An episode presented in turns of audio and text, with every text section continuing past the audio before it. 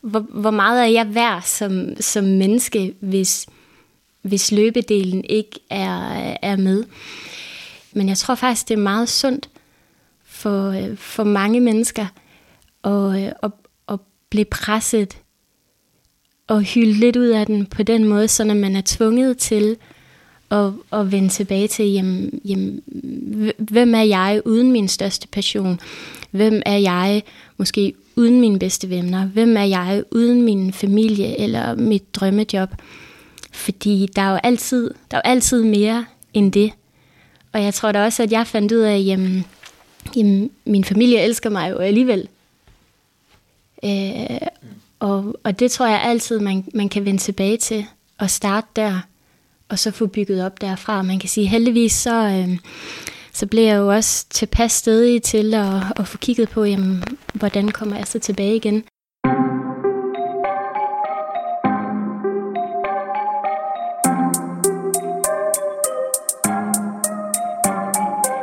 Velkommen til vores nye podcastserie, Snakken der gik med. Mit navn det er Sune Julerandrup. Overfor mig der sidder min medvært Kasper Schumacher. I denne serie snakker vi med en række kendte karrieremennesker om deres vej gennem deres karriere, hvor vi starter med det nyeste i deres liv, og derfra bevæger os tilbage til deres spæde start.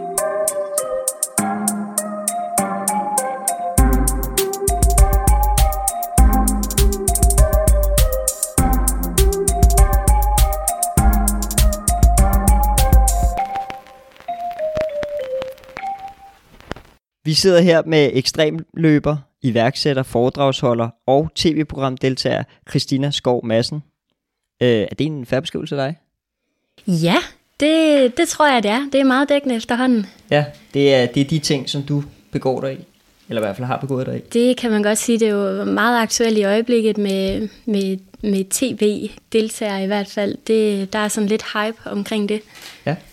Ja, fordi vi sidder jo og optager her i, ja, hvad er det, midt oktober, øh, hvor du er aktuel i korpset.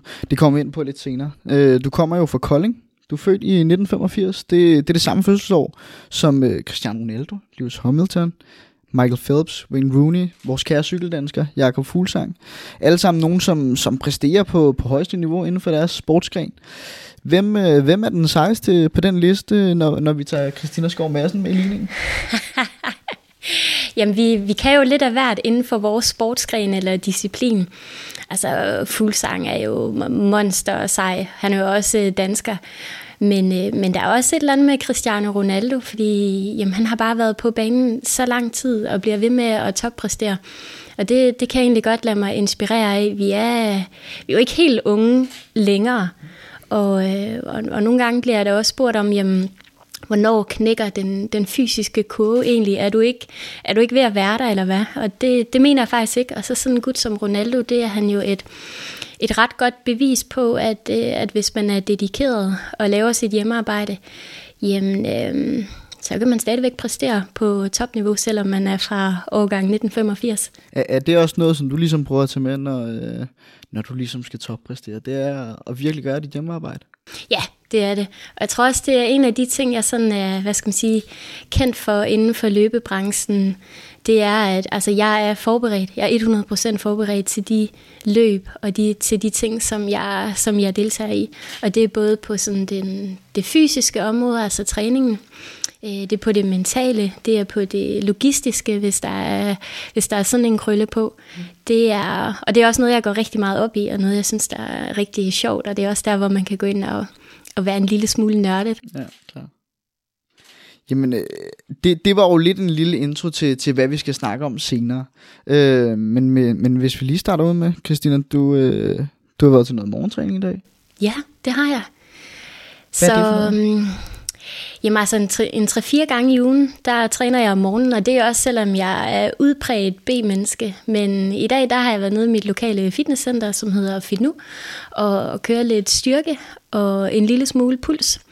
Og egentlig er det faktisk sådan en restitutionstræning, fordi jeg i går havde en forholdsvis hård og lang træning. Og um, det er jo sådan, at jeg i øjeblikket træner til et ørkenløb, så jeg har indrettet min garage, der har jeg sådan et løbebånd. Og, øh, og fordi jeg skal ned og præstere i varmen, så forsøger jeg at varme og akklimatisere, så jeg har hængt sådan en terrassevarme op ovenover mit løbebånd. Og øh, så har jeg sat sådan et, et bruseforhæng op til at holde varmen inde. Så i går havde jeg to timer på mit løbebånd med oppakning. Og øh, det var ligesom, hvad skal man sige, sådan fokustræning for weekenden. Så øh, den nappede jeg i går aftes, så derfor har jeg haft restitutionstræning her i morges. Jeg sidder næsten og svider ved tanken. Altså, for, for, det er... Ja, det, det, det er vildt nok. Jamen, øh, vi skal også lige høre. Den, øh, den havde vi også med i, i vores andre afsnit. Hvad, øh, hvad kører du ned af aftensmad? Fordi Uha. du, du siger det jo selv, du gør dit hjemmearbejde, men er lidt nørdet. Ja, Hvad, øh, hvad kører man ned? Både, både normalvis, når man bare ikke rigtig skal, skal lave noget, men også når man ligesom træner op til, til et af de lidt større og, og hårdere løb. Altså, der er stor forskel på, hvad jeg spiser i forhold til det, jeg kalder off-season, og så det, jeg kalder in-season, altså fokus. Fordi der er ingen tvivl om, at kost betyder rigtig meget. Men faktum er også, at jeg bare er sindssygt glad for mad. Og det er sådan en del af min livsglæde og livskvalitet. Ikke at være restriktiv, eller være på diæt, eller, eller, eller slankekur, selvom vægt også betyder meget i, i sport. Men, øh, men lige nu, fordi at jeg snart skal ud og, og, og gennemføre et stort race, så spiser jeg rigtig meget pasta. Ja. Spiser en del kylling, fordi der er gode proteiner i, og, øh, og så en masse grønt. Og det er, det, det er super simpelt for mig, fordi jeg orker ikke, at det skal være kompliceret. Øhm, uden for sæson, ah, men der elsker jeg jo boller i kaj, og og, og det synes jeg også, at der skal være plads til, fordi at, øh, at, at jeg bliver glad af at, at spise godt. Og øh, faktum er også, at, at en af mine store sponsorer faktisk er champagnekassen. Mm. Og øh, jeg er også rigtig glad for at drikke et glas champagne. Ja. Øh, og det er bare fedt, at de har lyst til at, at sponsorere en, en løbeatlet som mig, men det hænger også lidt sammen med det her med, at um, i forhold til, til kost, der behøves tingene ikke at være så restriktiv, og man skal også gøre de, huske at gøre de ting, der gør en glad. Og øh, jeg elsker bobler og champagne og boller i kaj. Fedt. Du har også lidt champagne stående her. Vi sidder inde i dit øh, mødelokale, Pyramiden i Ja. Kolding.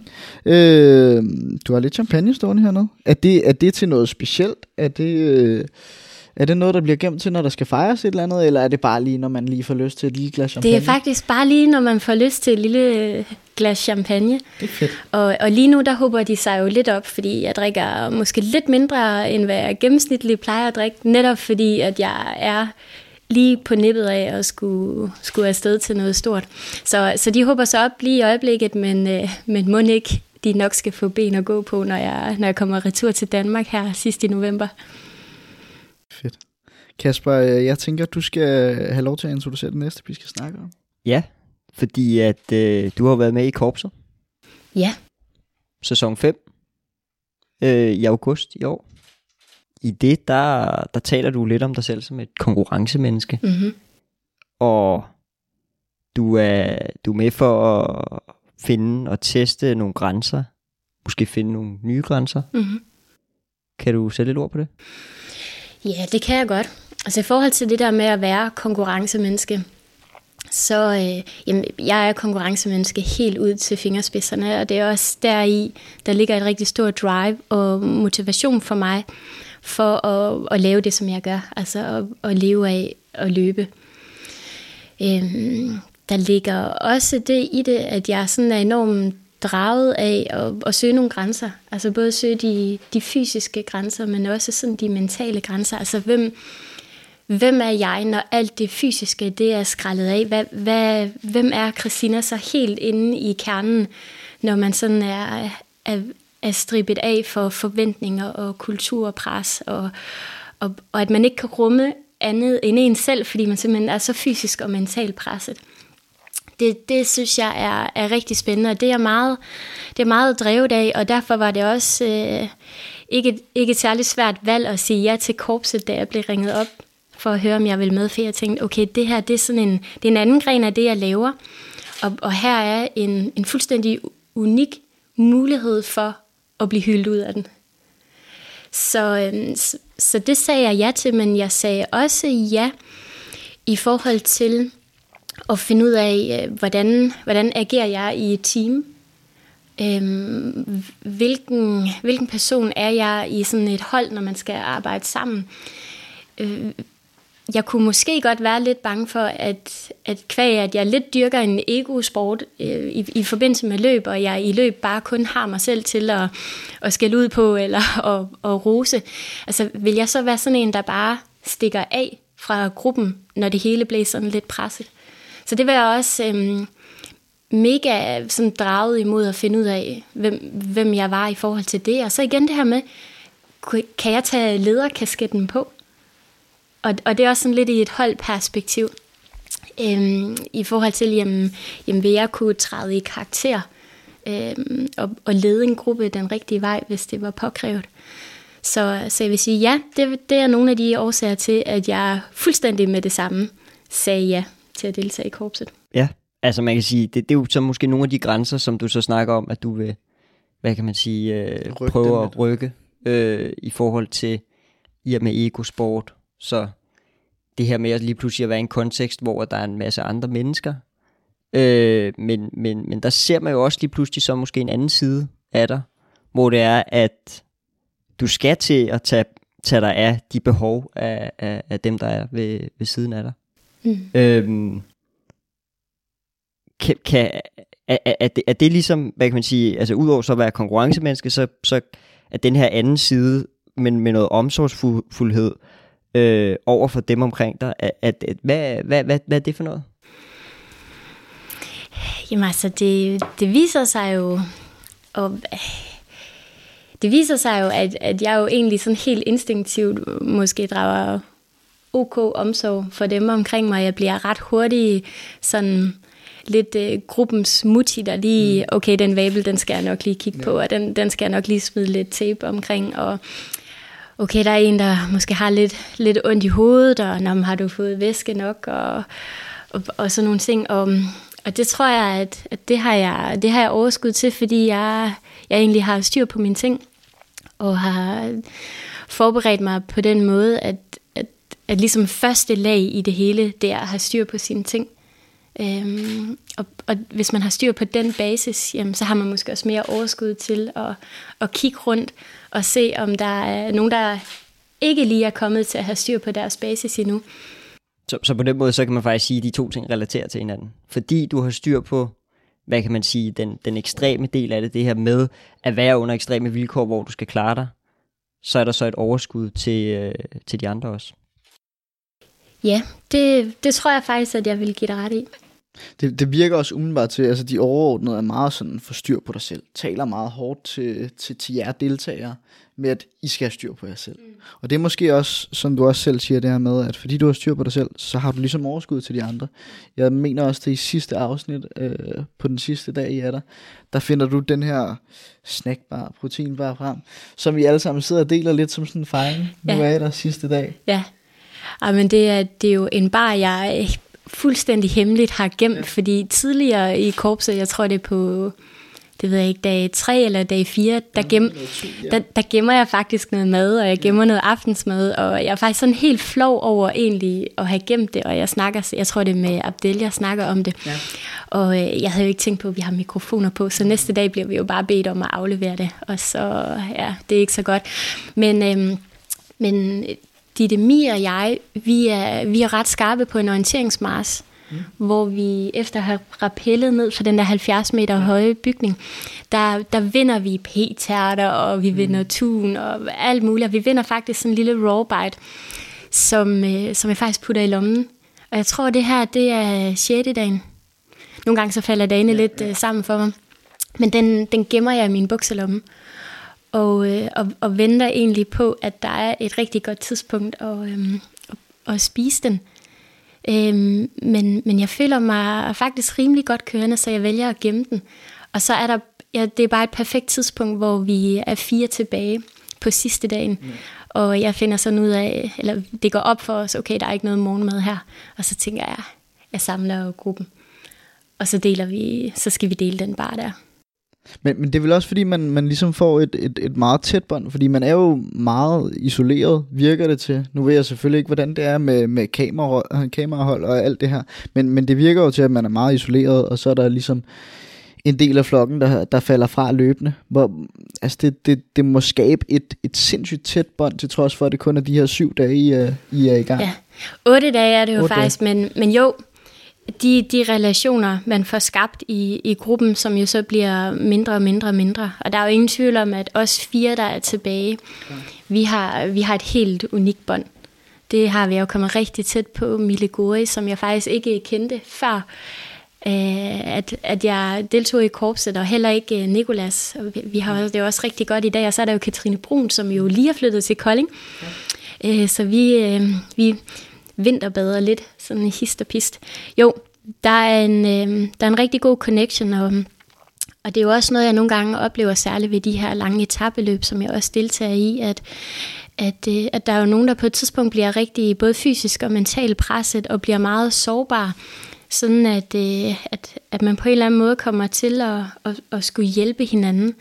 Og det der med at være helt ude på kanten, og, og vise, at man er ude på kanten, men også øh, tager imod hjælp og, og, og tør at vise, at man er sårbar. Det danner bare grundlag for, for øhm, ja, i hvert fald en god connection og nogle gode venskaber. Inden vi lige går videre til, til det næste, fordi vi skal også lige, lige snakke noget Ice Ultra og en skade, der var der, så skal jeg lige høre dig, fordi du er med i et program for relativt nyligt, Alle mod en, ja. hvor du er inde i park skal, skal sidde ned og rejse dig op fra alle sider. Korpset, parken. Hvad var det hårdeste? Fordi du det, siger der, at det er det hårdeste, du ja, har gået. Ja. Det, det er svært at sammenligne, ikke? fordi at jeg sidder ned på alle 37.506 sæder i parken. Det er jo ligesom sådan et endags event på de der 20 timer et eller andet. Og, og gøre det, det er måske det vildeste og det dummeste, jeg nogensinde ja. har gjort. Fordi det, det var virkelig, virkelig hårdt. Øhm, det, det, altså, nogle gange så spørger folk også, om hvad, det, hvad er det hårdeste, du nogensinde mm. har gjort, men, men, men jeg synes ikke rigtigt, man kan sammenligne de forskellige ting, fordi det har forskellige præmisser. Og jeg er jo vant til at løbe, og, og korpset handler jo også om noget andet end bare at løbe, og det her med at, at, at sætte sig ned på så mange sæder, det er ligesom også noget andet, og det er fuldstændig vanvittigt, og jeg var virkelig både fysisk og også mentalt presset, fordi da der var de der, den sidste langside tilbage inde i parken, ja. altså der var der bare udsolgt ved mig. Ja. Jeg havde så mange vabler og slidsår på mine baller, at øh, jamen, det var slet ikke kønt, og, og hvordan får man så hanket op i sig ja. selv i forhold til, og stadigvæk blive ved med at sidde ned 5-6 timer endnu. Det var mega spændende, og, og, øh, og, og det, mm, det jeg lærte om mig selv der er, at jeg har en evne til at holde humøret højt, ligegyldigt hvor ondt i ballerne jeg har. Havde, havde, du sådan, havde du sådan indset inden, hvad det var, at den her opgave egentlig, altså parken, Ja, fordi det, det, hvordan, den er jo stor, hvordan, hvordan pitcher men... de den for dig? Det er sådan, hey Christina, hvad siger du lige til at komme forbi vores program og, ja. og sidde ned på 37.000 så cirka Jamen, da jeg, mod, ja, da jeg modtog det opkald, der tænkte jeg lige sådan for mig selv, shit man, det her det kommer jeg til at sige ja til, fordi det er tilpas vanvittigt nok ja. til, at det, det kan jeg slet ikke lade være med at sige ja til. Det er sådan, det er sådan helt ubetrådt land, og, og det er jo en eller anden grænse, hvor der ikke er nogen, der har, der har været før. Der er jo ikke nogen, der har gjort det her før. Og sådan, kan det lade sig gøre, eller hvad? Men, men hvis jeg skal være helt ærlig, så tror jeg ikke, jeg i forvejen havde tænkt, hvor vanvittigt det egentlig var, og, og hvor hårdt det ville blive. Når du på et tidspunkt undervejs lige har tænkt, den er lidt dum, den her. Det, det, det er nok ikke helt gennemtænkt. Eller er det bare sådan, nu gør jeg det. Jeg bliver nødt til at gøre det. Jeg skal bare gennemføre den. Jamen, jeg var ikke i tvivl om, at jeg nok skulle komme igennem. Det er bare et spørgsmål om, hvor lang tid det vil tage. Så jeg havde ikke sådan tanker om at, at stoppe eller, eller at droppe ud. Men jeg er, er noget, der virkelig har tænkt mange gange de sidste 5-6 timer, der hold kæft, hvor er du dum, mand. Men, men heldigvis kan jeg jo grine lidt af det. Så har du også prøvet det? Ja. Øh, vi, vi skal videre til noget, til noget Ice Ultra. Det var tilbage i februar i år. Øh, du melder afbud grundet en skade. Ja. Det er noget, du skriver om på din hjemmeside også. Øh, hvad, hvad sker der der? Hvad, hvad er det, der ligesom... Øh... Jamen altså, um, Ice Ultra er egentlig sådan mit store comeback-løb på den internationale etabeløbsscene her efter corona. Fordi alt jo mere eller mindre har været aflyst. Så jeg, jeg havde glædet mig rigtig meget til at, um, at komme tilbage på den scene og at træne super målrettet og føle, at jeg var i rigtig god form.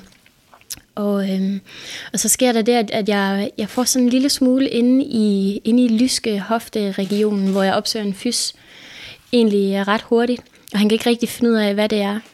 Øhm, og jeg tror, det her, det er, øhm, det er måske en, en fire uger før jeg skal afsted, så det er også super dårlig timing. Og jeg bliver, øhm, jeg, jeg tænker ikke på noget tidspunkt, at jeg ikke at jeg muligvis ikke kommer afsted, så det er først de der halvanden uge før, at jeg indser, hold kæft mand, jeg, jeg når ikke at blive klar. Og, og, og det rammer mig faktisk rimelig hårdt i forhold til, øhm, altså jeg, jeg plejer ikke sådan at, at tvivle på mig selv, men, men i og med, at jeg må melde afbud og indse, at, at jeg er skadet, mm gør, at, at jeg bliver lidt usikker sådan på, øh, jamen altså, hvem er jeg, når jeg ikke kan løbe? Mm. Altså, hvem, hvem er løber, Christina, uden at, at være løber? Så, så jeg bliver faktisk ramt lidt på min identitet i forhold til, hvem, hvem, hvem er jeg så?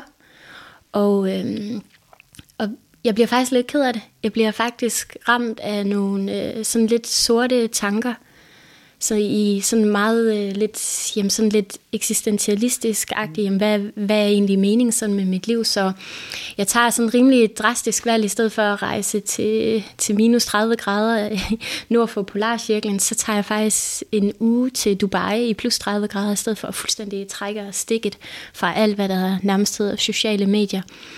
Og, øh, og, og prøver virkelig at, at, at sætte mig ned og slappe af, og få tænkt nogle tanker om, hvad er det, der er på spil her? Hvor, hvorfor er det, jeg ikke synes, at jeg kan fungere uden løb og sport? At, er, jeg, øhm, jamen, er, er jeg kun det som menneske? Og, øhm, og, og det, jeg tror, det er, jeg, jeg blev overrasket over mig selv, at, at jeg faktisk faldt ned i det her hul, fordi jeg har jo prøvet at være sådan lidt småskadet før, men ikke på den her måde. Og jeg tror faktisk også nu, hvor vi tidligere snakkede om alder, at jeg også blev ramt af, okay Christina, du er 36 år gammel, er det din krop, der prøver på at fortælle dig, mm. at, det, at det er nok? Og, øhm, og det var en rigtig dum glidebane i forhold til, Nå, men du har også lavet nogle sindssyge vilde ting, og du har også puttet din krop på rigtig meget. Du har også øh, været i Kolding Bokseklub i 20 år, og det har også været, været hård træning, så at, er det slut nu? Så, øh, så jeg havde faktisk nogle dage, hvor jeg havde rigtig svært ved at hive mig selv op, så tog jeg til Dubai, og jeg har nogle gode venner dernede, og slappet af. Og, og en, en, del af min refleksionsproces, det er også derfor, jeg har min blog, det er at, at skrive. Så, øh, så jeg prøvede at, jeg skrev det her blogindlæg, hvor jeg var fuldstændig ærlig omkring min, min tvivl, og øh, om, om jeg kunne komme tilbage, om jeg havde toppet, og, og så lagde jeg det online, og i den proces fik jeg vendt rigtig mange tanker ind i mit hoved, og, um, og blive klar over, okay, det her det er faktisk en proces, så selvom jeg ved, hvor jeg godt vil nå hen, så bliver jeg faktisk nødt til at være igennem alle de her tvivlstanker for at komme på den anden side af det. Så, så det gjorde egentlig, at jeg gav mig selv, øh, at, at, at jeg kunne give mig selv egentlig et break i forhold til, det er faktisk okay at være nede, fordi løb er min passion, løb er løb er den rette hylde, som jeg er landet på. Og, og, og løb er en kæmpe del af min identitet. Så det er måske faktisk okay at være lidt nede over ikke at kunne løbe. Men, men øh, man kan jo sige, din, det er jo din krop, der sætter grænser der. Så det er jo ikke, det er jo ikke dig i dit hoved eller nogen andre steder, men, men, men kroppen, der ligesom har sat en grænse. Øh, og så skal hovedet jo indstille sig på et eller andet. Så jeg kunne egentlig godt tænke mig at høre sådan, har du nogle sådan nogle, men, altså efter du har været igennem det, har du nogle mentale teknikker eller et eller andet, som øh, det kunne være, at man også sad der, derhjemme og lyttede til podcasten, og, og sad måske med en skade eller et eller andet, men, men, og, og også har de her tanker og sådan, altså hvad, har du noget, nogle guldkorn? Jeg, jeg tror, det er, det, det er svært at generalisere omkring det her, fordi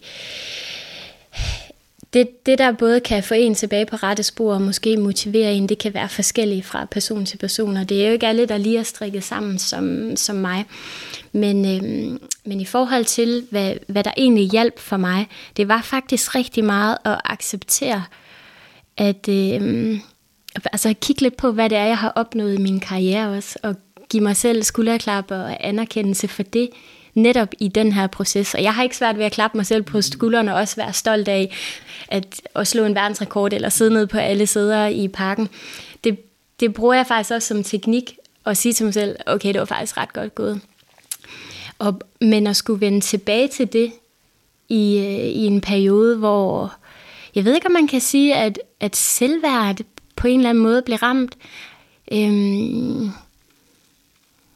det er, øhm, jamen det, det er måske egentlig et meget godt spørgsmål. Altså, hvor, hvor meget er jeg værd som, som menneske, hvis, hvis løbedelen ikke er, er med?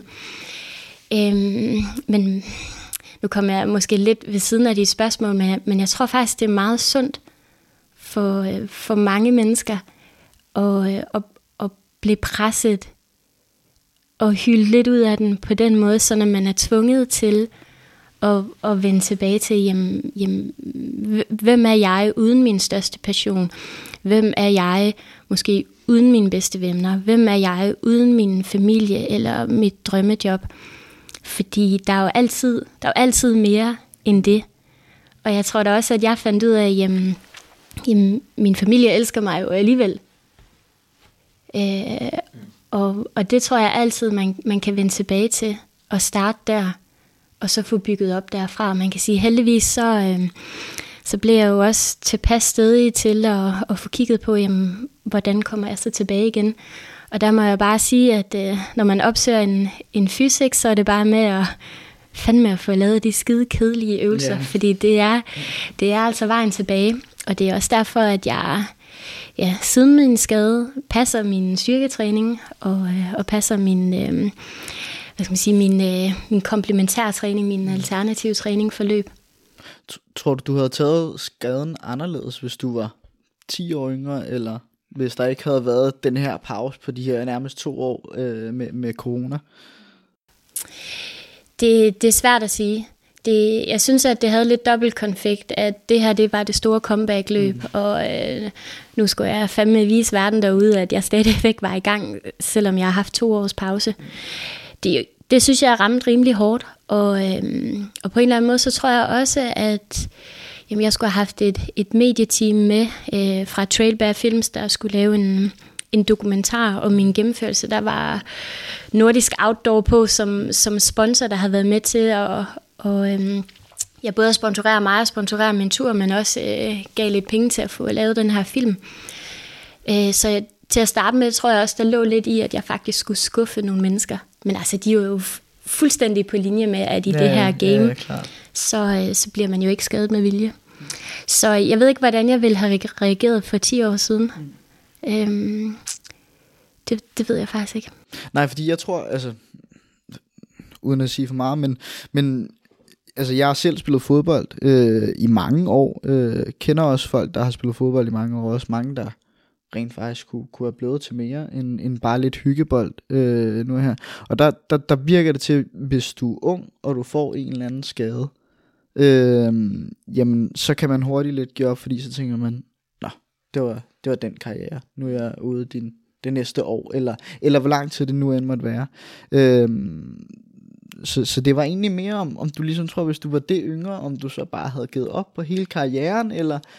Nej, eller... det, det vil jeg bestemt ikke. Okay. Det vil jeg bestemt ikke, og jeg tror også, at øhm, jeg kan huske, at jeg på et tidspunkt øh, læste en artikel om, det var faktisk med fodboldspillere, at der er nogle af, når man spiller der i ungdomsårene, at, at nogle af dem, der faktisk også har rigtig stor succes, det er, det er måske dem, der ligger og kæmper om at komme på første hold, fordi de faktisk oplever lidt nederlag. De faktisk oplever at skulle kæmpe for at komme på holdet, hvor og, og det er slet ikke for at generalisere eller noget, men dem, der har talentet, der måske ikke oplever så meget modgang, og altid bliver valgt, fordi at de kan drible solen sort øh, og score mål med, med lukkede øjne, når de så kommer til det professionelle stadion og begynder at, at eller stadie og, og skal møde noget modgang, ikke?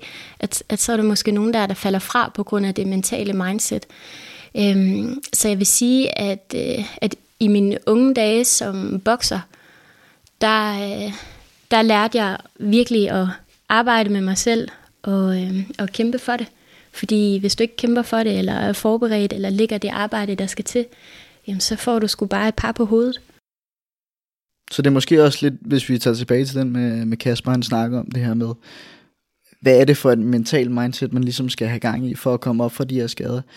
Man har måske prøvet det før, men man er ikke vant til at være førstevalg. Man er ikke vant til at være den hurtigste, eller den, der dribler. Men så har man til gengæld en ryggrad, der bare mm. sidder der og, og, og bygger en op hele tiden.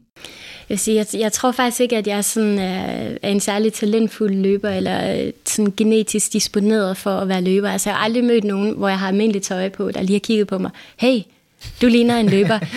øh, altså, jeg har måske omkring Sønderjyllands korteste ben, ikke? Og, og er sådan lidt, øh, lidt, lidt mere muskuløs end, end den gennemsnitlige løber. Men jeg er også sådan indstillet, okay, du har ikke talentet. Okay, du har måske ikke pladen fuld, men hvor mange brikker kan du ellers lægge mm. på?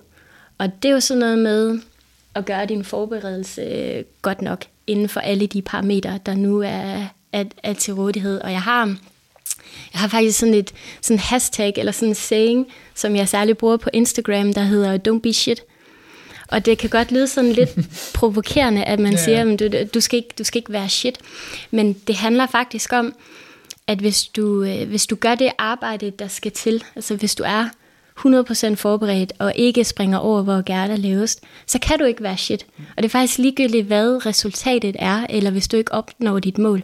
Hvis du har gjort dit arbejde og er mentalt indstillet øh, på det, som der skal ske, så kan du aldrig tabe. Altså så kan du aldrig være dårlig. Og det, det bruger jeg faktisk rigtig meget, fordi vi bliver alle sammen lukket af, okay, to timer på løbebånd, eller stå op klokken 6 om morgenen, og det havler uden, udenfor, ikke? Ja. Men don't be shit. Altså, hvis du har et mål, og hvis du er seriøs om, at du gerne vil nå dit mål, så lad være med at være shit. Kasper, øh, der var den her The World Marathon Challenge. Ja. Jeg tænker, at du lige kan få lov til at introducere den, fordi den, den har noget at gøre med, med det her med ikke at nødvendigvis være den hurtigste og den bedste. Ja, lige præcis. Øh, I hvert fald, hvis man, hvis man læser diverse artikler og så videre, så blev det sådan beskrevet, at øh, Jessica Jones, hun var den, den hurtigste, øh, eller den, den hurtigere løber, øh, som du skulle konkurrere med i det her The World Marathon Challenge i, øh, i 2020. Så det var jo må så være før corona, eller Lige hvad? før corona, Lige før corona, ja. Syv marathons på, på syv kontinenter på syv dage. Det er rigtigt. Jeg må, yeah. jeg må bare lige sige, det er vanvittigt. Det er vanvittigt. det er jo, vi, vi, vi kommer ind på det igen senere, vi har allerede snakket om det. For os, mere eller mindre normale mennesker, der virker det jo altså, fuldstændig hovedløst, at man går ind til sådan nogle øh, udfordringer. Men øh, det gør du jo. Ja. Så, så Kasper, fortsæt den endelig. Ja, ja, fordi at øh, med, med, med 24 timer, 1 minut og, og 40 sekunder, øh, så slår du verdensrekorden blandt kvinder. Mm-hmm. Øh, du er også den, der kommer først i mål af alle, både mænd og kvinder. Yes. Og øh, det altså, hvem, hvem, er, hvem er skør nok til at, til at løbe syv marathons på syv dage, syv forskellige steder i verden? ja. Det er Christina. ja. Altså jeg vil sige, det, det er jo ikke sådan, at man bare lige vågner en morgen og tænker, jeg skal løbe syv maraton på syv dage på syv kontinenter. Det er jo sådan, øh, jeg, jeg løb jo min første halvmaraton tilbage i 2008. 21,1 km, og det var faktisk rigtig ekstremt for mig dengang, fordi jeg ikke var løber. Jeg var jo egentlig bare bokser. Jeg havde at løbe, fordi vi løb jo altid så sindssygt stærkt. Mm. Man var ved at kaste sine lunger op. Så i, i 2008 kæmpede jeg mig igennem 21,1 km, og det var en ud af kroppen oplevelse. Det var sindssygt vildt. Og jeg lovede mig selv, det lort her, det gør jeg aldrig nogensinde igen. Men, men der var alligevel et eller andet, det her med, jamen, jeg oplevede nogle helt nye sider af mig selv, og så blev det til et maraton, så blev det til et ultraløb, så blev det til et bjergløb, så blev det til et, et løb i sådan ekstreme omgivelser. Så løb jeg mit første etabeløb, så slog jeg verdensrekorden i at, at bestige Kilimanjaro, og hvad gør man så?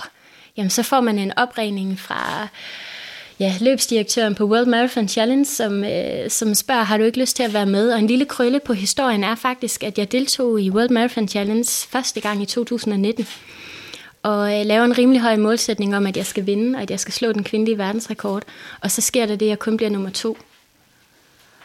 Og øhm, jeg, jeg har tænkt rigtig meget over det, om, om jeg bare er en så sindssygt dårlig taber, at, at jeg ikke kan tåle at blive nummer to. Men der er også forskellige måder at blive nummer to på. Altså battler man med nummer et, og, og taber man førstepladsen, eller battler man med nummer tre og vinder andenpladsen. Men jeg kunne bare mærke der i 2019, da jeg kom hjem, at, at der var så mange ting, som jeg synes, at jeg kunne gøre bedre i min forberedelse, både min fysiske form, min mentale form, hele opfattelsen af det logistiske. Så jeg skrev igen ud på min blog, det kan jeg fandme gøre bedre. Og så får jeg så opringningen i slutningen af 2019, at de gerne vil se mig tilbage. Og så tænkte jeg, så er det, så er det altså nu. Og noget af det første, jeg gør, det er jo at, at kigge på, hvem der ellers er tilmeldt. Og der spotter jeg også ret hurtigt hende her Jessica Jones, en amerikansk løber, som på papiret løber hurtigere maraton, mm. end, end jeg gør. Og, og hvad gør man så? Og jeg har sådan en, øh, til hvert løb har jeg sådan en lille notesbog, hvor jeg skriver strategi og mentale strategier ned, og overskriften på allerførste side hedder, hvordan slår jeg en løber, der er bedre end mig selv.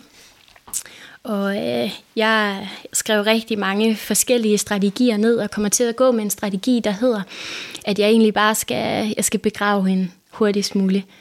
Og øh, planen er, at vi skal løbe det første løb på Antarktis, og det er måske mest øh, det er måske der, jeg har hjemmebane fordel, kan man sige, fordi det minder mest om, om nogle af de ting, jeg laver i forvejen. Så planen blev faktisk at løbe et all-out marathon på Antarktis, simpelthen for at skræmme hende og, øh, og, og æde mig selv for at vinde med så meget som muligt, sådan at jeg kunne plante et frø i hende, der sådan vil øh, få hende til at, at, at miste troen på sig selv. Så hvis jeg kunne danne et så stor forspring som muligt, så kunne jeg måske slukke håbet og drømmene. Og det var måske min eneste mulighed for at vinde. Fordi på de resterende seks sidste maraton, jamen, der kan hun faktisk løbe bedre end mig.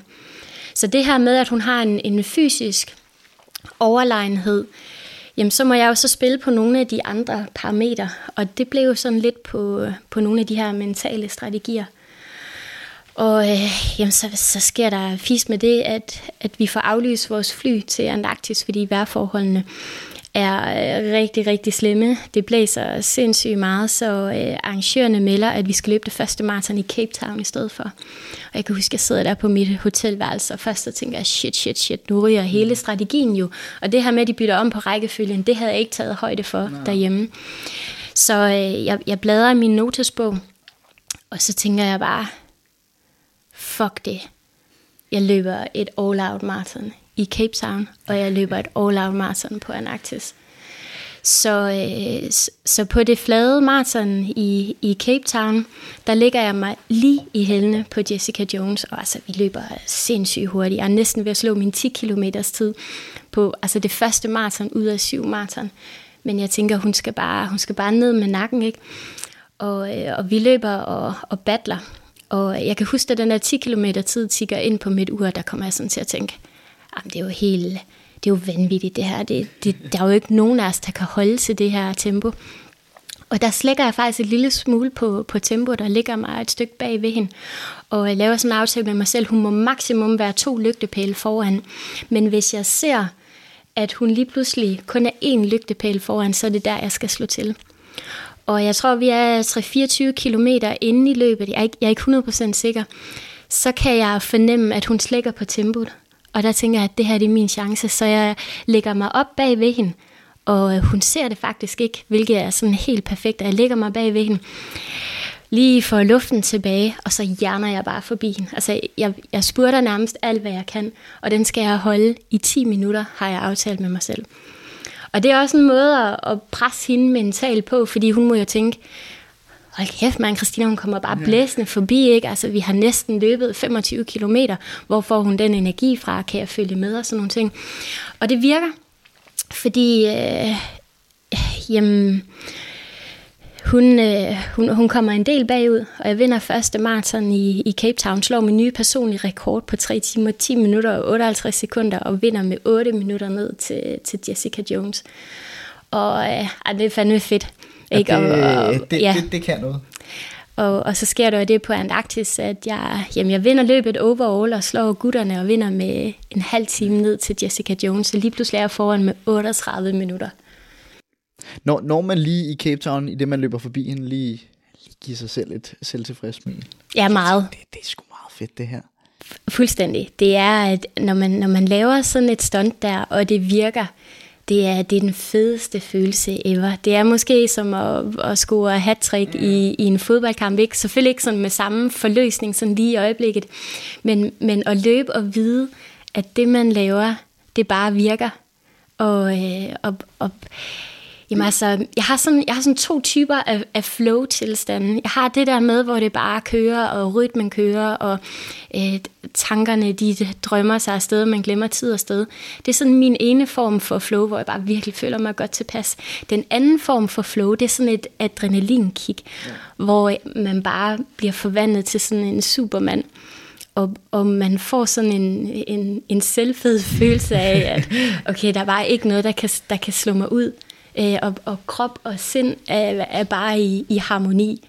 Og, og man får næsten superkræfter, altså man kan næsten overpræstere, når det er, at øh, ens hjerne fortæller en, du er fandme god lige nu. Er der et soundtrack, der lige kører i hovedet? Et eller andet, hvor det, det er det, der motiverer en, når man lige øhm, får den der er det, Er det Rocky, der løber op? ja, ja, den klassiske.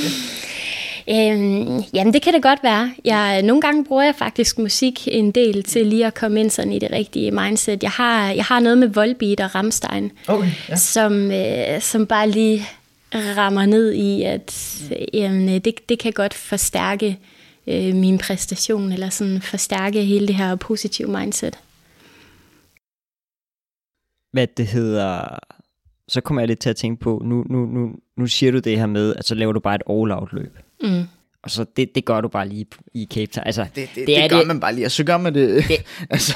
Realiteten er, at det gør man jo ikke bare lige. Nej. Vel, altså, det er bare, altså, jeg, jeg kommer i hvert fald til at tænke på, det er jo, det er jo, øh, hvad kan man sige, det er jo, det er jo fuldstændig vildt. Mm. Først at gøre det i, i, vil gøre det i Antarktis, så bliver det Cape Town. Så vælger at gøre det i Cape Town, og gøre det i, på, på, på Antarktis. Altså, øh, og så gør det endnu vildere på Antarktis også. Ja, det, altså, altså, det, I hvert fald forspringsmæssigt. Altså. Jamen det har jeg også tænkt en del over selv. Altså hvad, hvad er det i mig? Er, er jeg bare dum? Er jeg dumdristig? Er jeg dristig?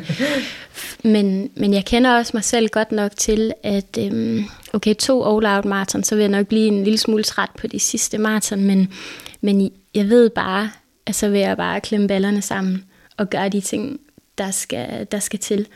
Så det der med at, at presse mig selv helt ud over grænsen, det kan godt øh, på papiret virke sådan lidt, ah, er det, er, er det en fornuftig strategi? Og det tror jeg faktisk ikke nødvendigvis, at eller det vil det nok ikke være for alle, men jeg havde, jeg havde brug for at, at slukke håbet hos Jessica Jones.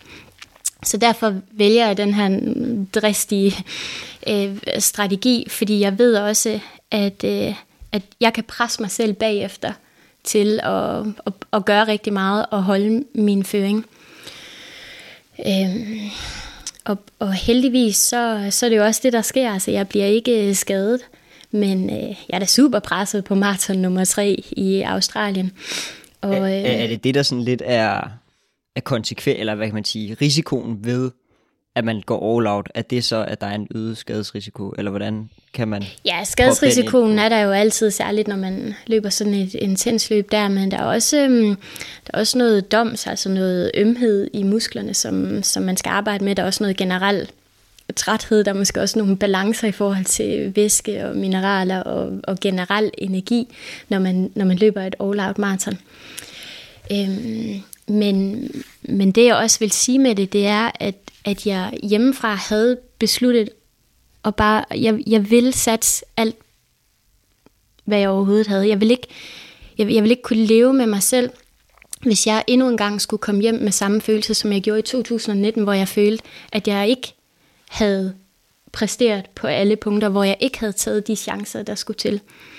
Og øh, hvis jeg så vil falde med et brag, efter de her to all marathon, jamen så vil jeg vide, at okay, jeg satte alt på et bræt, og jeg, jeg, jeg gjorde det, jeg mente, at der var rigtigt. Det vil jeg hellere have, end at jeg kom hjem og tænkte, ej, jeg kunne måske også lige, og der playede, eller spillede jeg lidt safe der. Det er ikke, det er ikke den, jeg er som person. Det er ikke det, man gør ekstrem sport. Nej. Nej. Hvad det hedder, nu, nu har du allerede kommet ind på, på det samme løb i 2019, øh, og så har du også lidt været inde på det her med at bestige Kilimanjaro. Er det rigtigt udtalt? Ja, det er det. Øh, der slår du så også din verdensrekord. ja. for, for hurtigste bestigning blandt kvinder. Øh, 6 timer, 52 minutter, og det var et løb på 21 km. Mm-hmm. Så det er jo sådan set bare et halvmarathon, ikke? Og oh, ja, Men bare det går et vel op ad bakke, op Altså. Kilimanjaro, ikke? Altså, Det går rigtig meget op ad bakke. Der er faktisk øh, en, en gennemsnit stigningsprocent på 21 hele vejen. Det ved jeg ikke, hvis der er nogen, der cykler, så kan man Det- forholde sig ja. lidt til det. Ja. ja. ja. Ja, det er, Det er voldsomt. Det er en voldsom omgang. Hvad det hedder, har du nogen øh, ud over til det? Jamen, jeg, jeg kunne egentlig godt lige tænke mig at høre, fordi vi kommer, vi kommer ind på, øh, på, på der, hvor du ligesom starter som ekstremløber. Det kommer vi ind på her lidt senere.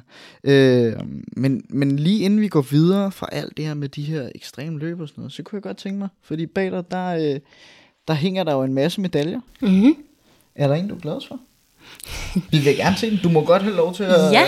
rejse dig, og så øh, tage den ned fra væggen, der ligesom Jamen, er, jeg henter lige en så. er, er flottest.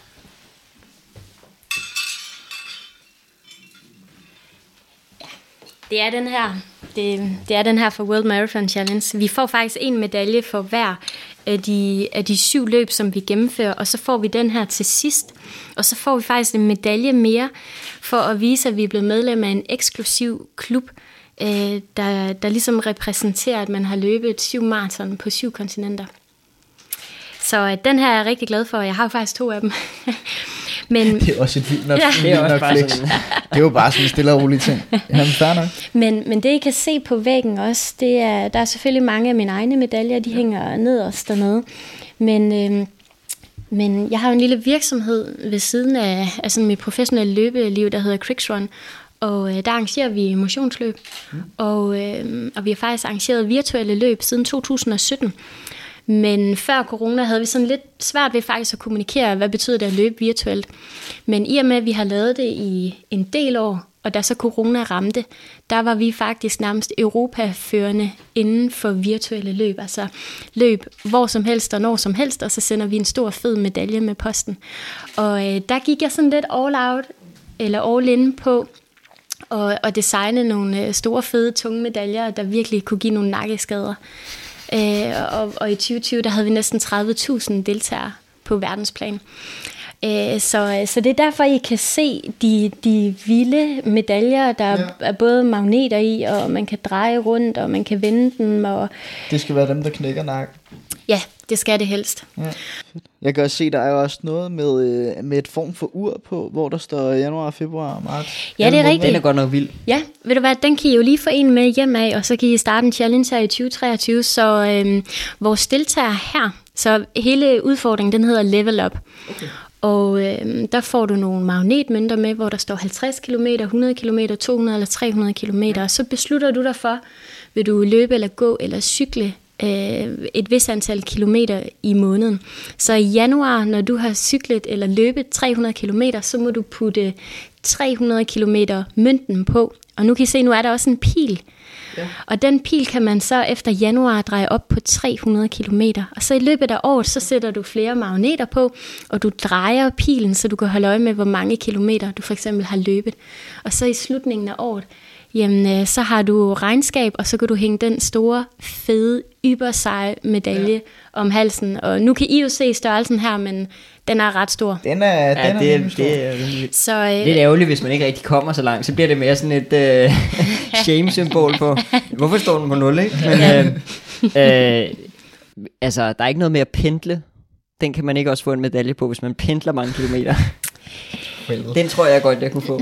ja, der, der tror jeg, du skal, der, der skal du finde en anden virksomhed. Det er noget os. andet. Ja. Okay. Yes, yes. Nå, jo. Men, men du har jo det her, vi, vi vender også lige hen på, at du, du har været noget efterskolelærer, men hvis vi lige fortsætter i, i den her boldgade med, med Cricksrun, øh, eget firma, starter det i 15. Mm-hmm. Øh, du fortalte inden da, at det gik fra en enkeltmandsvirksomhed til, at I nu er fire ejere i det hele. Ja, ja, så øh, jamen det var, jeg er jo ikke øh, sådan en businessman eller, eller at, at have styr på, på noget af alt det her, men, men ja, jeg startede Cricks Run, eller det hed faktisk Christina Extreme Running, fordi det var sådan lidt nærliggende i forhold til, at det blev sådan kaldt af, af mine venner. Øh, og, og det kom så egentlig af, at jeg fik mulighed for at modtage nogle pengesponsorater, og hvordan modtager man det?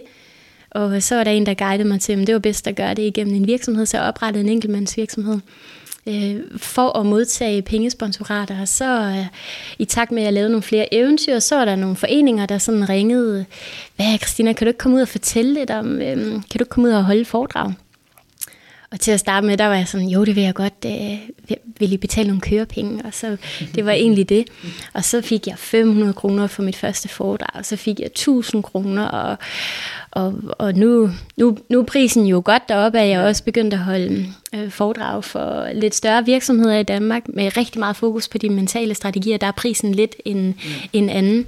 Men, men Cricks Run er, er, vokset fra stort set ikke at være noget, til at jeg også fik min første idé til, øh, til et motionsløb, som hed Calling City Trails. Egentlig baseret på, jeg vil egentlig gerne sådan vise mine løbevenner, hvor jeg træner hernede i Calling City. Og øh, der, jeg, jeg kan godt lide sådan, at når jeg nu løber meget, at min løbetur ikke er det samme, så jeg kan godt lide at sådan udfordre, hvor og på hvad man kan løbe. Så der, der fødte jeg ligesom en idé rimelig meget fra bunden af med sådan et urban trailløb. Og, og det blev afviklet for første gang i 2016 med lige pludselig 250 deltagere, og året efter var vi 400 deltagere. Året efter var vi udsolgt med 1000 deltagere. Og, og så tænkte jeg jo, at øh, der følger jo også noget økonomi med. Ja, klar. Og, og tænkte sådan, hold kæft man, øh, det, det er da super fedt det her. Særligt, særligt den proces i at, at gøre alting selv, og, og øh, arbejde med tingene helt fra bunden af, til så på afviklingsdagen stå på målstregen og tage imod de her deltagere, der kommer ind over målstregen. Og det er sådan et særligt ansigtsudtryk med mm. på den ene side. Altså, man, de er jo totalt fysisk presset, og de sådan, på den ene side, så tænker de, det her, det gør jeg aldrig igen. Og på den anden side, så, så to sekunder efter, så er det sådan, hvornår kan jeg gøre det her igen? Det var enormt givende for mig som arrangør. Øh, så det vidste jeg bare, at det her, det skal jeg gøre noget mere af. Det lyder også umiddelbart til, nu har vi jo også snakket om det om, generelt med de her løb, og, og blandt andet også med, øh, med Cape Town, hvor du ligesom får det her selvtilfredse smil med, at du løber forbi, og den her strategi lykkes. Det lyder til, at du, du rimelig meget godt kan lide at, at leve på den der med, når tingene de lykkes for dig. Altså, at du virkelig kan, kan stå og tænke, det her, det, det har fandme gjort godt. Ja, jamen enig. Og øh, jamen, jeg, jeg tror, um, den, den måde, jeg er bygget op på som løber, hænger nok også meget sammen med, hvem jeg er som menneske, og hvem jeg også er som, som virksomhedsejer, og de projekter, jeg sætter i gang, at øh, det, vi skal i mål med dem. Mm. Og, og vi skal altså sætte nogle høje målsætninger, og så, og så bare gøre, hvad der skal til. Så hashtag don't be shit. Nemlig, fuldstændig hvad det hedder, hvis vi bare lige sådan skal, skal rammesætte, hvad er det egentlig, den, det her øh, firma, hvad er det egentlig, det går ud på? Er det så rigtigt at sige, at der er ligesom sådan en foredrags- og coaching-del i det? Og der er, en, øh, der er noget med at arrangere løb, og noget med at udvikle nogle nye løbekoncepter. Nu snakker om det, du om det her øh, virtual run eller sådan noget, ikke? Øh, og, øh, og så er der så også en online butik. Ja, vi har der flere elementer, så har der også noget blog noget øh, agtigt. På hvert fald på den hjemmeside, ikke? Ja, det er sådan mest for mig selv, og ja. hvis der er nogen, der har lyst til at læse med, så, så det er jo meget fedt. Ja, hvad er Cricks Run egentlig? Altså paraplyen er løb, og, øh, og, og hvordan, hvordan kan jeg og, og Cricks Run være med til, at folk har lyst til at blive aktive? Altså, hvordan kan jeg videregive den glæde, jeg har ved løb og aktivitet til, til folk derude? Og det kan vi så gøre igennem Jamen, vi kan facilitere motionsløb, vi kan motivere og, og planlægge igennem træningsvejledning. Og vi er jo tre coaches i, i Cricksrun, som arbejder med at, at coache andre og, og lave træningsplanlægning. Øhm, og, øh, og, og så er der jo hele den her gear-udstyrsdel, som jeg selv er... Øh, jeg går ikke ned på udstyret, kan jeg godt sige. Det skal man heller ikke. Nej. det skal man heller ikke. øhm, og, og det er jo sådan lidt drømmen med den her webshop, at, at jeg kan være en, en spiller i, i Danmark i forhold til øh, at, at, at udstyre folk med det rigtige løbegear. Yes. Det, det, det lyder faktisk til, når, når, når vi sidder og snakker om alt det her, du siger jo selv, at du kommer lidt fra en egosport. Mm. Øh, det, det lyder faktisk til, at du, du er en, en rimelig fin teamspiller. Altså det, alt det, du ligesom snakker om, jamen det er det her med, at du, du er på et hold, du er på et hold, du har brug for nogle mennesker omkring dig med det her, blandt andet firmaet. Øh, når du ser andre ligesom lykkes, er, er det noget, der måske kommer fra, fra tiden som efterskolelærer? Fordi det er det, det, vi skal snakke om nu. Der, der er man jo også på et form for hold der. Både med eleverne, men også med, med de andre lærere der. Kan du, øh, kan du tage os lidt igennem der? Du, øh, du er på Koldingegnens Idræts Efterskole, Stopper i 2016. Mm-hmm. Jamen, jeg tror, du rammer noget af det rigtige. Øh, jeg, vil, jeg vil sige, jeg, jeg startede med at få min, min bachelor i øh, informationsvidenskab og idræt, og havde egentlig tænkt, at jeg skulle gå den lange akademiske vej med en kandidat og en Ph.D., fordi jeg kunne faktisk ret godt lide at studere. Og jeg fik min bachelor, så holdt jeg et sabbatår, og fik tilfældigvis et vikariat ude på Kolding Ejens Efterskole, og sådan et jeg har kun været der et par dage, så tænkte jeg, hold kæft, man, kan det være så fedt at gå på arbejde. Men jeg har aldrig været i efterskoleverdenen før, eller, eller højskoleverdenen, og kendte slet ikke til noget af, at, at, at, at den type af fællesskab. Men det tog mig simpelthen med storm i forhold til øhm, jamen, både det fællesskab, eleverne havde med hinanden, den relation, anderledes relation, der kan, der, der i hvert fald er grundlag for, at der kan opstå på en efterskole, som måske har lidt svære forhold i folkeskolen, den, den bliver vildt betaget af, og så samtidig med at have nogle, nogle gode kollegaer, der bare var nogle øh, ordentlige mennesker. Altså nogen, der ville andre det bedste, og, og nogen, som havde deres moralske kompas i den rigtige retning. Det var jeg sindssygt inspireret af, og, og havde nogle... Øh, man kan jo nærmest sige, at jeg fik sådan nogle idoler blandt nogle af mine kollegaer, mm. som, som, øh, som, som virkelig ville rigtig meget for fællesskabet, og, og, og deres liv var simpelthen baseret på at få de her unge mennesker til at vokse og tro på sig selv, og tage del i fællesskabet, men også tage del i ansvaret. Så jeg, jeg rent sådan menneskeligt bliver helt slået omkuld af efterskoleverden. Og, øh, og jeg synes, at jeg som menneske, jamen, det, det er måske det sted, hvor jeg er vokset allermest i forhold til sådan at finde ud af, jamen, hvem, hvem vil jeg gerne være som menneske, og, og hvilke, hvilke livsværdier sætter jeg pris på, og, og hvilke dyder vil jeg gerne arbejde hen imod og, og besidde. Så, øhm, så min tid som efterskolelærer ude på Kolding Ejens Efterskole, og, og man kan sige, det, det, det lyder måske sådan lidt... Øhm, Jamen, det, det gav mig faktisk selvtilliden til at sige mit job op, ja. og, og så springe ud som professionel løber. Og, og til at starte med der i, i 2016, det kommer faktisk af, at, at jeg vinder mit første etabeløb, som hedder Jungle Ultra i Amazonas jungle. Og det havde jeg ikke lige regnet med, men, men kommer tilbage til Danmark, og så får jeg bare nogle vilde muligheder. Og så siger jeg mit job op, men havde altid tænkt, jeg skal nok tilbage til at være efterskolelærer, fordi det her med at leve som professionel løber, det lyder lidt, lidt usikkert, og kan jeg blive ved med at ja, generere en indkomst, og kan jeg blive ved med at bevare motivationen, men øh, ja, det, det er jo snart, øh, det er jo 6-7 år siden nu, og, og, og det, det kører endnu. Ja, fordi du, du, du siger jo også selv, øh, jeg mener i et skriv, du har været noget, noget klummeskribent ja. for, for noget, hvor du også siger, at en af dine bedste beslutninger, jamen, det var at starte som lærer mm. øh, på Kolding Ejens Idrætsefterskole, netop også fordi det, det var med til ligesom at, at give dig noget, noget mod til at, at sige op, og, og måske forfølge ja, noget, man, man ikke havde troet, man kunne forfølge til at starte med. Hvad, hvad er det for nogle værdier, man, man får ved at være sådan nogle her steder? Jeg tror, at det der med at kunne være noget for andre, mm.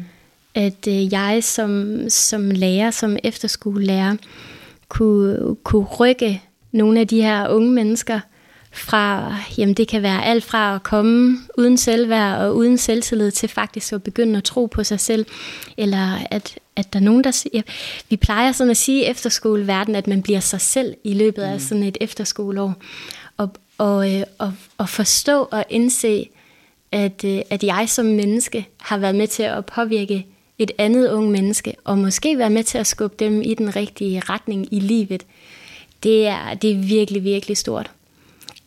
Og, øhm, og, og det kan jeg huske, det satte sådan, hvad skal man sige, min, øh, på det tidspunkt sådan lidt selvoptaget, øh, selvfede øh, liv, sådan lidt i, i perspektiv. Er det egentlig det, der gør mig glad bare at, at køre motorvej og følge, gå efter min egen mål, tjene en masse penge og få et fedt hus og um, ja, de, hvad skal man sige, sådan de, de nemme, lidt overfladiske værdier, det satte det i hvert fald lidt i, i, i perspektiv at være efterskolelærer blandt de her, og, og se unge mennesker vokse og vide, jeg er faktisk en del af det der. Så det er ligesom her, du måske begynder at blive den her team teamspiller, som, som du ellers ikke snakker så meget om? Jamen, det, det tror jeg da. Det tror jeg da, og jeg, altså, jeg, jeg ved jo også godt, at jeg er en, en teamspiller. Men det, jeg var spændt på i forhold til korpset, det er det her med at være både fysisk og mentalt presset. Altså, mm. ligger det også så dybt i mig, at det instinktivt skinner frem?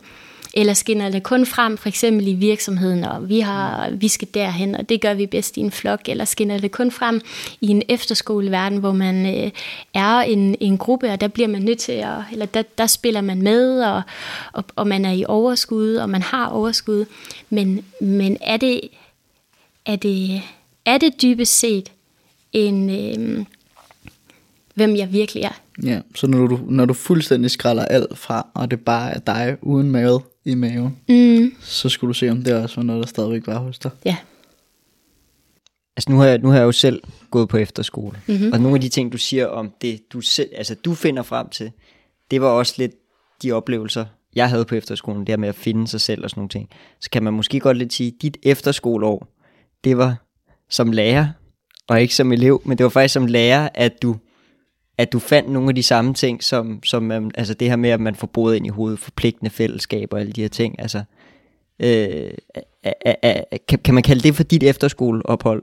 Det tror jeg sagtens, man kan. Sagtens. Jamen, øh, så, skal vi, så skal vi lidt tilbage til noget løb. Ja, mm-hmm. det, skal... det, det bliver vi nødt til, fordi det, det her, det, det må vi bare sige, det, det er vanvittigt. Det, altså, det er nok det mest vanvittige lige umiddelbart for, for os af. Det er 2013, der er det umiddelbart der, du starter som ekstremløber. Mm-hmm. Du, øh, du kom med på et løb så, på, på et afbud. Ja. Yeah. Det, det er 42 km. Det er en anden plads, du får der. Øh, nogen, tidlig... nogen vil måske tage sådan noget himmelbjerg eller Hersted Høje, der hvor Hersted vi kommer fra. Det, det er en lille fin bakketop, ja. der er i, i Albertslund, hvor, hvor vi kommer fra. Du, øh, du bestiger Kilimanjaro i 2019. 18, men ja. 2018, ja. Mm-hmm. Men, øh, men du starter altså ud med Mount Everest i, i 2013. Ja, yeah, det er, jo, det er jo ikke på toppen af Mount Everest. Det er stadig Mount Everest. Ja, det, det er det. Så jamen, jamen, sagen er den, at jeg, um, jeg har jo egentlig et break ud fra Kolding Ejens Idræts Efterskole. Det er sådan, at til at starte med, der får jeg bare forlænget en masse vikariater, og så kommer det på et tidspunkt, hvor man lovmæssigt ikke må forlænge et vikariat. Så jeg stod faktisk i 2013 efter sommerferien uden job, og jeg havde ikke mod på at gå ind i, i, i folkeskoleverdenen. Så jeg booker en tur til Nepal, og, øh, og tænker, ja, jeg skal da finde et halvmarathon eller et helmarathon, og gå ind på løbskalender online. Og så, øh, så scroller jeg ned, og så ser jeg, at der er det her Everest Marathon, som ligger i november. Og jeg kan bare ikke slippe tanken igen. Så jeg ringer sådan til de britiske arrangører, og så siger jeg sådan øh, på engelsk sådan, hey, og jeg rejser til Nepal, og øh, jeg skal træne, og jeg skal være lidt i Himalaya, jeg vil gerne tilmelde mig det her Everest Marathon, og så siger hun bare sådan helt tør, jamen tilmeldingsfristen er jo overskrevet med to år. Sådan altså, hun fuldstændig latterliggør mig. Har du, har du slet ikke sat dig ind i tingene, eller hvad? Og så siger hun jo så, jamen, jeg har faktisk et afbud, så hvad, hvad, har du, hvad har du af erfaring inden for ultraløb? Og på det tidspunkt, så må jeg jo bare sige, jeg har ikke noget. Nå, men hvad, hvad har du inden for ekstremløb? Og så siger, jamen, der har jeg altså heller ikke noget. Så spørger hun så, hvad har du inden for bjergløb? Og så vælter det bare ud af mig, at jeg har løbet Åben Rå bjergmarathon. og, og hun har måske ikke sådan lige helt styr på, at vi ingen bjerge har her i Danmark, men det hedder Åben Rå bjergmarathon, fordi der er mange bakker. Og øh, så, så jeg kvalificerer mig faktisk til Everest Marathon på baggrunden af et lille sønderjysk maratonløb, vi har. Og jeg er jo helt op at køre og tager til Nepal og rejser lidt rundt og er med øh, en, nogle grupper dernede, og så tager jeg til Himalaya, og det tager otte dage at trek til start på, øh, på maraton, som er op ved Everest Base Camp i 5.180 meter højde. Øh, og man kan sige, der er jo, der er jo omkring 50 procent af den ild til rådighed, som der er her, men vi starter klokken 7 om morgenen. Og, øh, og jeg kan bare huske, at jeg kommer ud til startstregen, og solen den står op lige ved siden af Mount Everest. Altså det er verdens højeste bjerg, jeg står ved siden af. Og der bliver jeg bare ramt af sådan en... Øh, sådan en, altså jeg er ikke religiøs eller noget, men det er nærmest sådan en almægtig følelse af, sådan, du bare, du er så lille, Christina, men hold op, hvor har man bare mulighed for at skabe sit eget liv.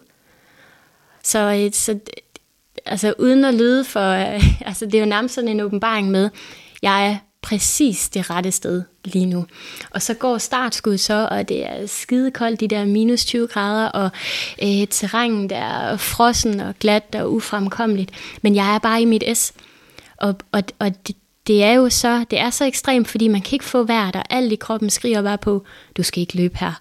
Og øh, man skal virkelig være koncentreret for ikke at falde, og samtidig så er naturen bare så overvældende, at man kan ikke, du kan ikke være andre steder end lige der. Man er bare 100% til stede, for der er ikke plads til andet.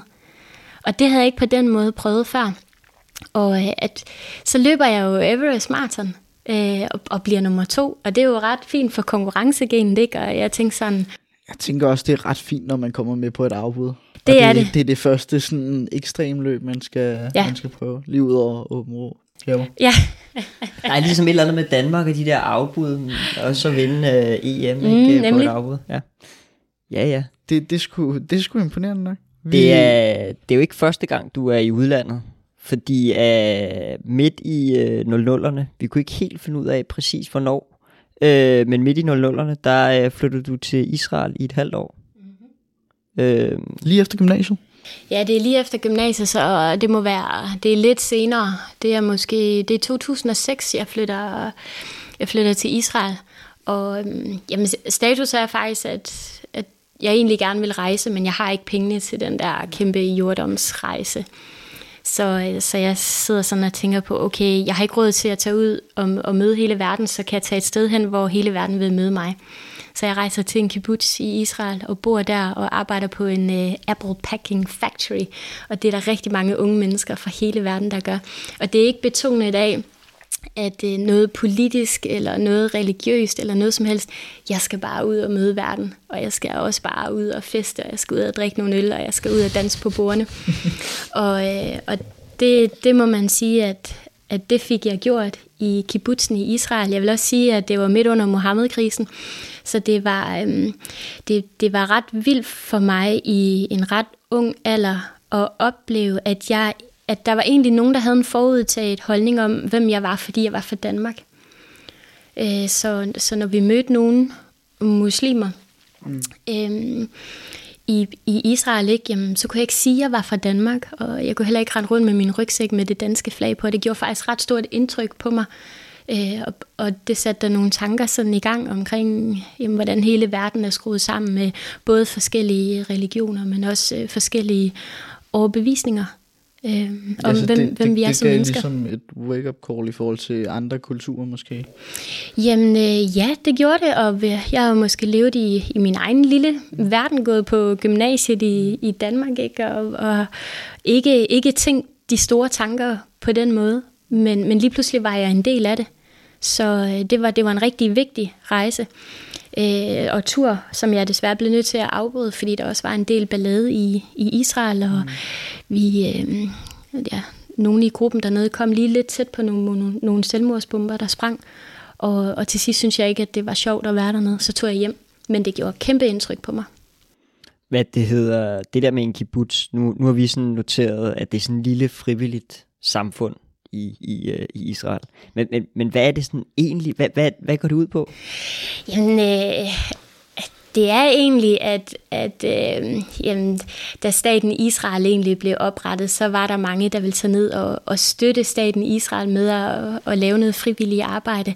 Og så opstod de her kibbutzer egentlig, så når man, når man bor og arbejder i kibbutzen, så så bliver man ikke på den måde sådan betalt, men man skal heller ikke betale for nogen ydelser. Så det er sådan et lille øh, fællesskab, hvor alt sådan set er gratis, så du yder et stykke arbejde, og så, øhm, ja, så, så kan du ligesom tage del i, i de andre goder. Det, det er sådan lidt en øh, socialistisk ja, det, ja, helt øh, tankegang. Ja. ja, det er det.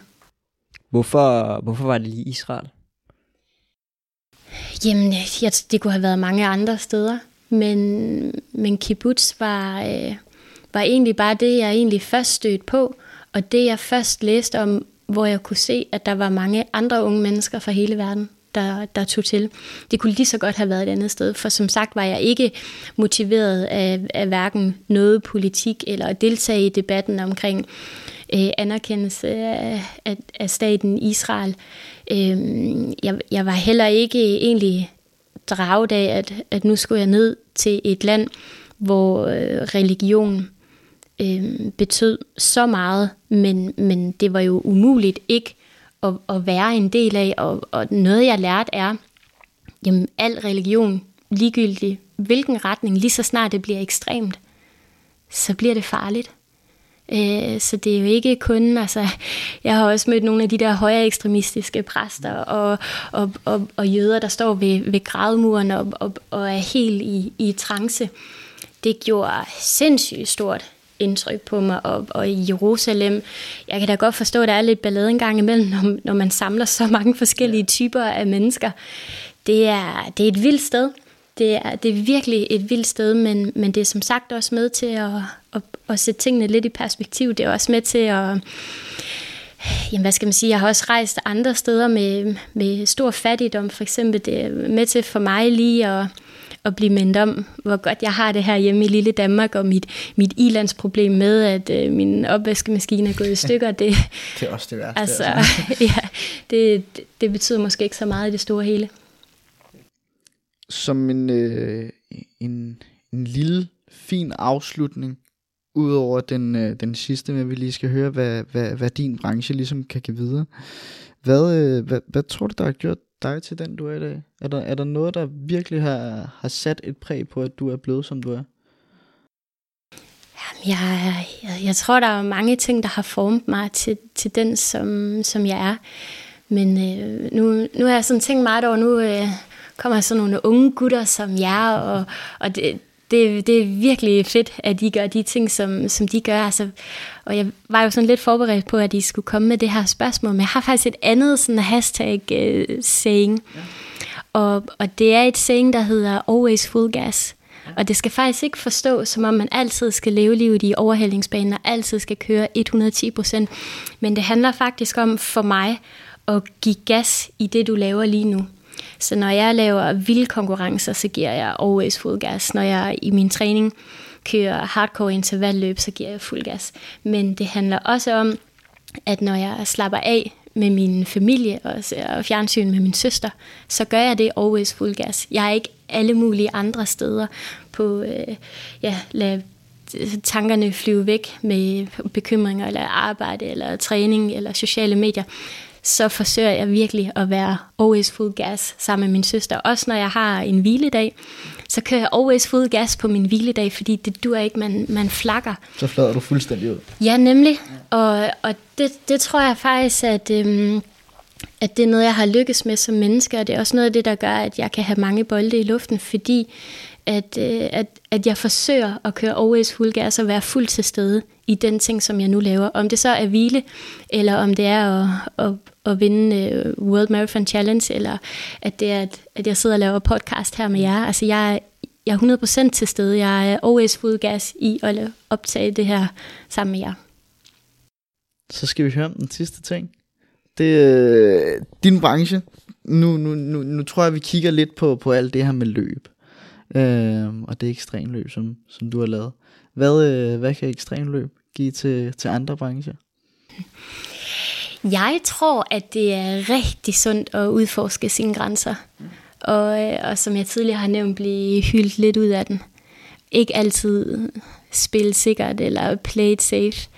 Øh, altså, hvad, hvad sker der, hvis man lige altså, sætter overliggeren lidt højt?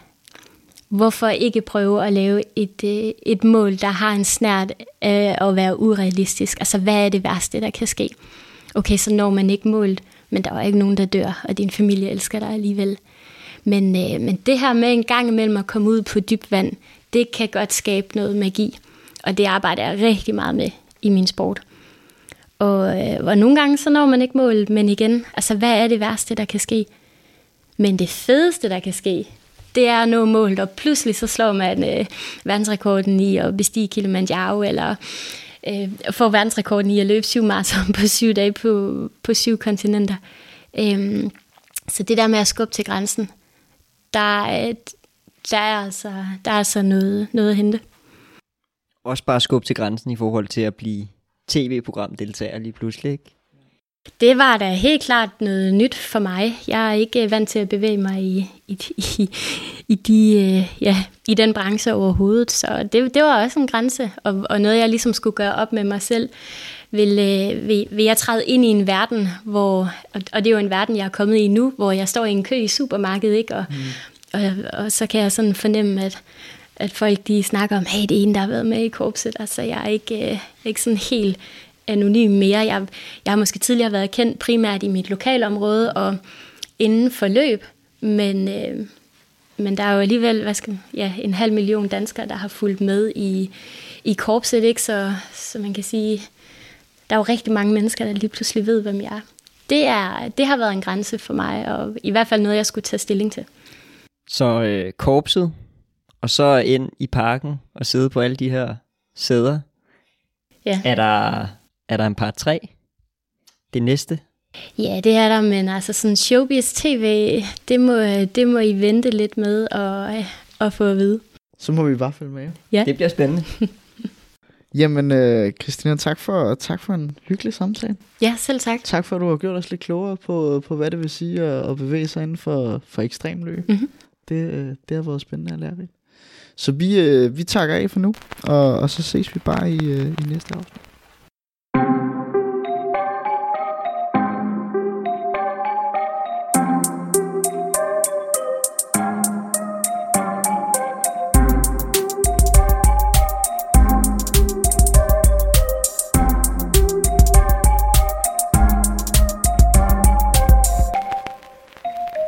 Vi sidder her med ekstremløber, iværksætter, foredragsholder og tv-programdeltager, Christina Scho Madsen.